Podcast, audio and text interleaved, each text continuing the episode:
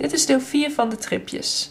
In deze aflevering van de serie Korte Hallucinatieverhalen hoor je het bijzondere verhaal van Sanne, waarna professor Iris Sommer ingaat op de wetenschappelijke achtergrond.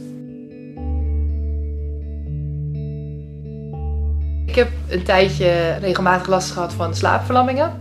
Uh, en dat diende zich eigenlijk altijd een beetje op dezelfde manier aan. Ik was uh, dan aan dromen en die dromen veranderden dan een beetje. Die werden steeds naargeestiger, donkerder.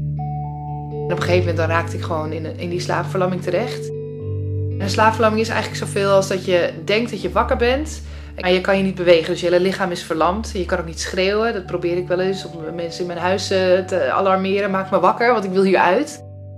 Het gaat ook altijd gepaard met een heftig, een heftig gevoel van angst. Dat dat een soort golf over je heen komt. En ik heb ook het idee dat, het, dat, dat je het ook hoort. Een soort zoomen.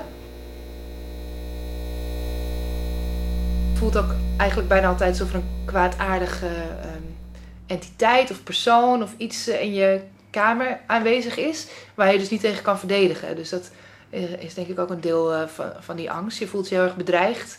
Maar je kan je dus niet bewegen, je kan je niet omdraaien. Soms lig ik op mijn zij en voelt het alsof er iemand achter me is. En rationeel kan ik best wel bedenken van dit is niet waar, ik zit in een slaapverlamming, wacht het even af. Maar je wordt toch overvallen door die angst en je kan het eigenlijk niet wegrationeren. Ik heb een keer het gevoel gehad uh, alsof al mijn tanden los in mijn mond zaten tijdens die slaapverlamming.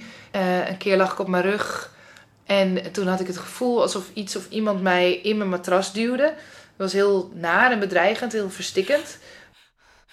Uh, en er is een keer geweest dat ik bij de deur van mijn slaapkamer zag ik een schaduwpersoon met een hoed op. Uh, en nou ja, toen ik regelmatig die slaapverlamming had, ben ik een beetje gaan googlen en uh, op Wikipedia terechtgekomen. Dus nergens kan ik echt een duidelijke verklaring ervan vinden. Maar wat me wel opviel, is dat, dat ja, mensen collectief over de hele wereld dus blijkbaar dezelfde dingen ervaren. En het meest frappante vond ik dat er iemand was die vertelde over de schaduwfiguren. Die heb je. En heb je ook nog de schaduwfiguur met de hoed. Dan dacht ik, wow, hoe kan dit? Want andere mensen weten het niet van elkaar. Ik ook bijzonder vind is dat mijn, mijn moeder, die heeft ook regelmatig slaapverlammingen. Ik heb het eigenlijk al een tijdje niet meer gehad. Ik merk nu dat ik het ook soms kan manipuleren. Dus als ik voel dat die angst er aankomt, of als ik merk dat mijn dromen een beetje grimmiger worden, dan, uh, dan draai ik me even om. Of ik uh, dat ik even het licht aan doe, zodat ik het voor ben. Maar mijn moeder bijvoorbeeld, die heeft het nog wel regelmatig. En ze vertelt het ook altijd aan me, want ze weet dat ik het ook heb. En dat maakt gewoon best wel heel veel indruk. Ik heb ook altijd, als ik wakker word eruit, dat ik nog steeds die angst voel. Dat ik het licht aandoe of even op mijn telefoon ga kijken. Om even in een andere vibe te komen, om, de, om het los te schudden. Wat ik ook gevonden heb, is dat het ook al eigenlijk iets is van... Uh, vanuit de hele geschiedenis. Je ziet uh, bijvoorbeeld een schilderij van een dame die ligt dan op haar bed, op haar rug. En er zit er een soort demon op haar, uh, op haar buik. En vroeger geloofde ze dat dit soort ervaringen het werk waren van de incubus of de succubus, een van de twee. Um, ja, dan gaven ze die de schuld. Dus ja, eigenlijk in eeuwen geleden waren er ook al mensen die dit soort ervaringen hadden.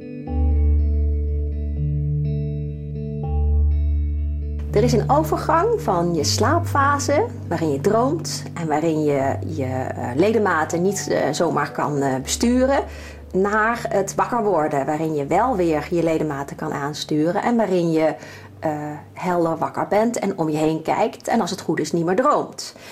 Bij veel mensen lopen die fases een beetje door elkaar. En dan kun je terwijl je aan het wakker worden bent, je nog steeds niet bewegen. Dat voelt heel erg eng. En interessant is dat heel veel mensen dan ook daarbij iets zien en iets voelen. Ik denk dat het met dat voelen begint, want je kunt je ademhalingsspieren ook niet echt eens lekker hard aantrekken. Dus je wil misschien heel diep inademen, maar dat lukt niet. Dus dat geeft het gevoel alsof er iemand op je borstkast zit. En omdat je nog half in die slaap bent, kun je er dan ook heel makkelijk iets bij zien. Bijvoorbeeld een duiveltje of een monster dat op je borstkast zit.